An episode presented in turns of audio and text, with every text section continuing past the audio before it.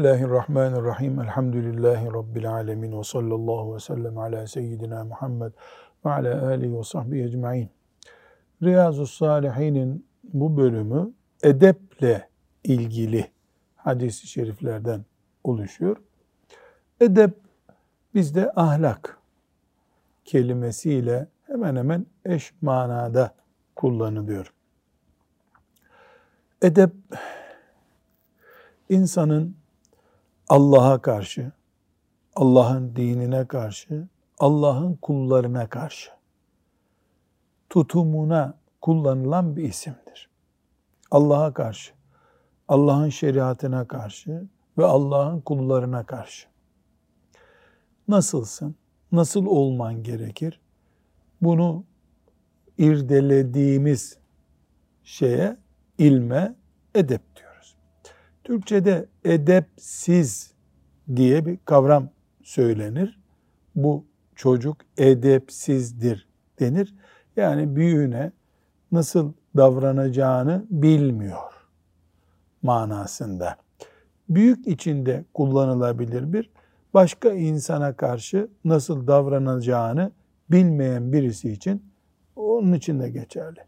Allah'ın dinine karşı tavrının ne olması gerektiğini bilmeyen için de edep dışı iş yapıyor denebilir. Bu kelimeyi edep kelimesini şöyle doya doya ve en kökünden bilgilerle e, iyice hazmetmek için İmam Bukhari'nin El Edebul Müfred isimli kitabını okumak, ezberlemek, çocuklara öğretmek gerekir. Allah ondan razı olsun. Yaşar Kandemir Hoca Efendi güzel tercüme etti El Edebul Müfred kitabını. Yani bir ailede huzur içerisinde okunup edebli Müslüman olmanın öğrenileceği bir kaynak olarak İmam Bukhari'nin El Edebul Müfred isimli kitabını e, bir kenara not edelim. Artık tabi kitap okumaya ne kadar vakti var insanların, ne kadar önemsenebilir ayrı bir mesele. Ama edeb Müslümanlığın baş tacı. Babam sellemehullah çocukken böyle Osmani beyitler ezberletirdi.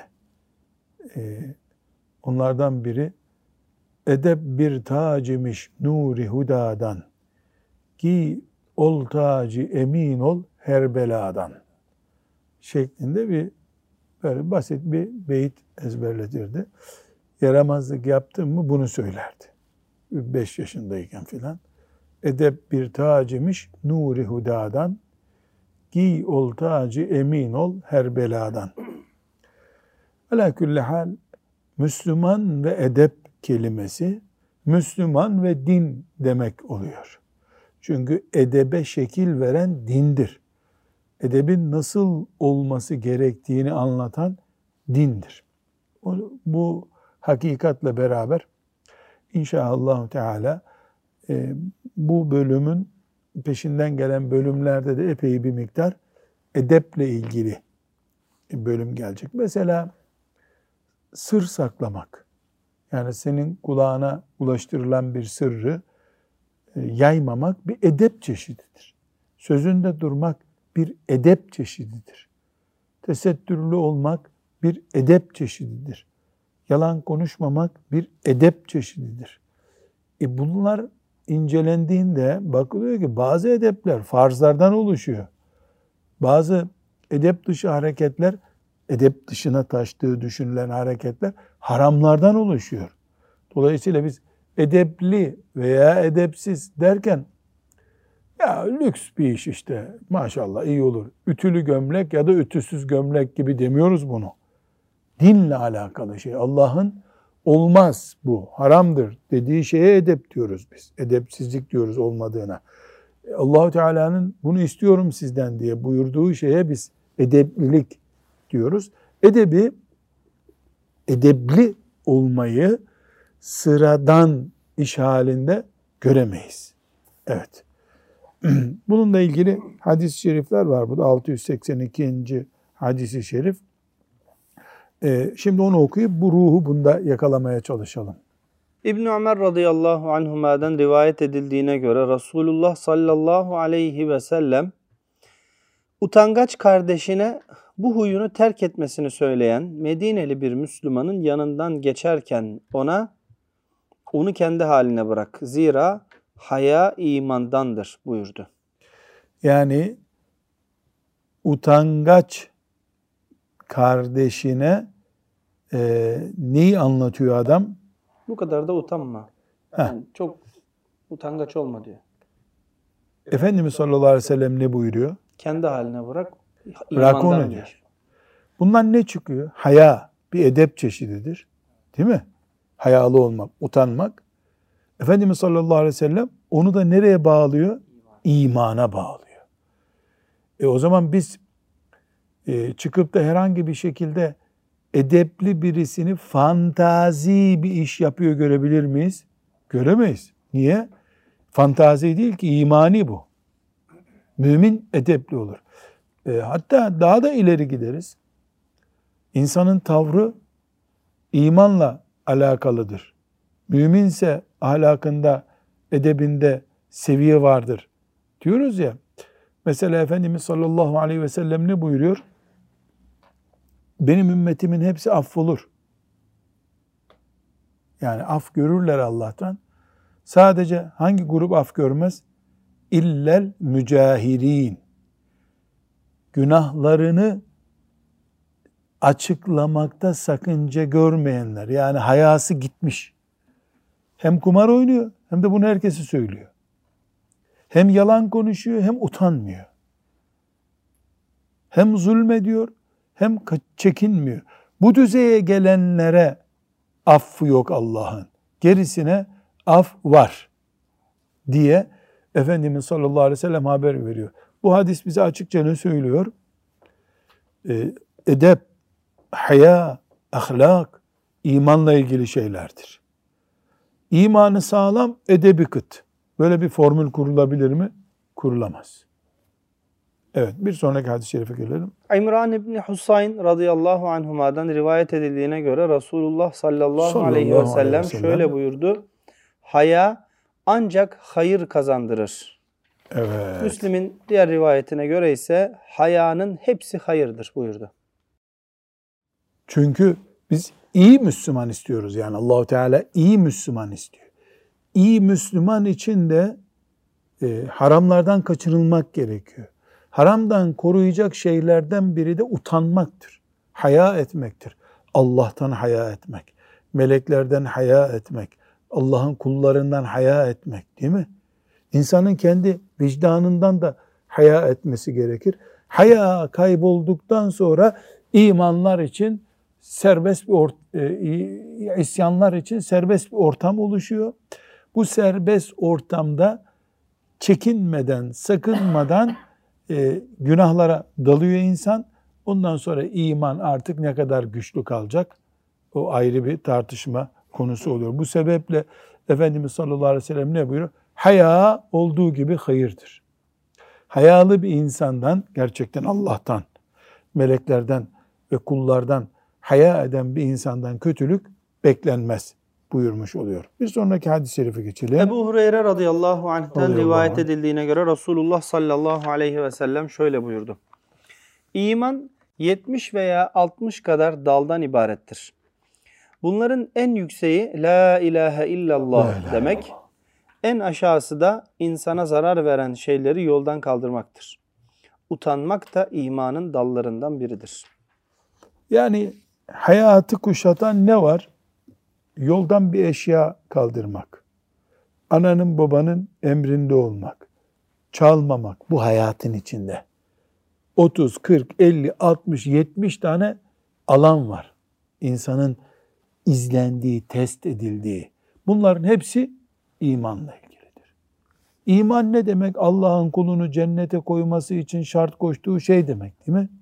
Allah'ı kabul etmek, melekleri kabul etmek, peygamberleri kabul etmek, kitabı kabul etmek, cenneti kabul etmek, cehennemi kabul etmek. Bu iman dosyasını dolduran şeylerden biri yola atılmış bir cam kırığını mesela alıp çöpe atmak insanlara zarar vermesin diye. Yaşadığın toplumun e, insanının yürüdüğü yollarda e, insana eziyet veren bir şeyin olmamasını düşünür düzeyde bulunmak gerekiyor. Bundan da anlaşılıyor ki iman insanın bedenini kuşatıyor, ahlakını, edebini kuşatıyor, eylemlerini kuşatıyor. Dolayısıyla biz bunu duyduktan sonra çıkıp da e, İslamiyet'i böyle e, nasıl söyleyelim e, camiye hapsedilmiş bir din, eve hapsedilmiş bir din, borsalardan uzak, stadyumlardan uzak, alışveriş merkezlerinden uzak bir din gibi gösterirsek nauzu billahi teala İslamiyet'e zulmetmiş oluruz. Ala kulli hal bu hadisi şerif 127. hadis olarak da geçmişti. Şerhine ondan dolayı uzun dalmayalım. Bir sonraki hadisi şerife geçelim. Ebu Sa'id el-Hudri radıyallahu anh şöyle dedi. Resulullah sallallahu, sallallahu aleyhi ve sellem örtünme çağına girmiş bir genç kızdan daha utangaçtı. Örtünme çağına girmiş bir genç kızdan daha utangaçtı. Hoşlanmadığı bir şey gördüğünde bunu yüzüne bakınca anlardık. Şimdi ben bir de ben onu okumak istiyorum Hafız Salih. Yani çok müthiş bir şey. Bukhari'nin, Müslim'in, İbn Mace'nin rivayet ettiği müthiş bir hadis-i şerif bu. Ebu Sa'id el-Hudri radıyallahu anh Efendimiz sallallahu aleyhi ve sellemin yanında yetişmiş muazzam ecirlerle vaat görmüş bir sahabi. Resulullah sallallahu aleyhi ve sellem virgül örtünme çağına girmiş. Ne demek örtünme çağına girmiş? Bebek değil, çocuk değil. Örtünme çağına girmiş bir genç kızdan daha utangaçtı, hayalıydı. Hoşlanmadığı bir şey gördüğünde bunu yüzüne bakınca anlardık. O utanma hissi içinde e, hissediliyordu hissediyordu kendisi ve yüzüne yansıyordu. Mutluluğu yansıdığı gibi. Bu hadisi şerif üç şey bize veriyor. Bir, demek ki haya, utanma hissinin aslı kimdir? Kadındır. Kadındır. Çünkü bir sahabi peygamberinin hayasını, utanma hissini neyle anlatmak istiyor? en iyi şeyle anlatmak ister değil mi? Mesela biz bir metalin değerini anlatmak için altına ölçeriz onu. Altına göre şu kadar, altına göre bu kadar. Yani simge, borsa altın metaller içinde değil mi? E, altın gibi diyoruz. Altından daha iyi bir metal olsa, maden olsa e, onu mesela bakırla ölçmüyoruz. Çünkü bakır çok düşük. Yani bakır gibi bu dediğin zaman ucuz demek istiyorsun. Gümüş gibi deyince de ucuz demek istiyorsun. Sahabi haya, utanma, edep konusunda peygamberini benzetecek en iyi neye benzetebiliyor? Genç bir kızın hayasına benzetiyor.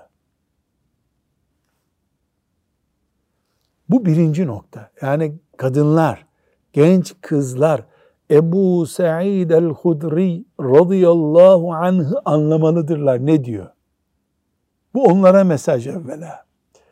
İkincisi Resulullah sallallahu aleyhi ve sellemin sünnetine uymak.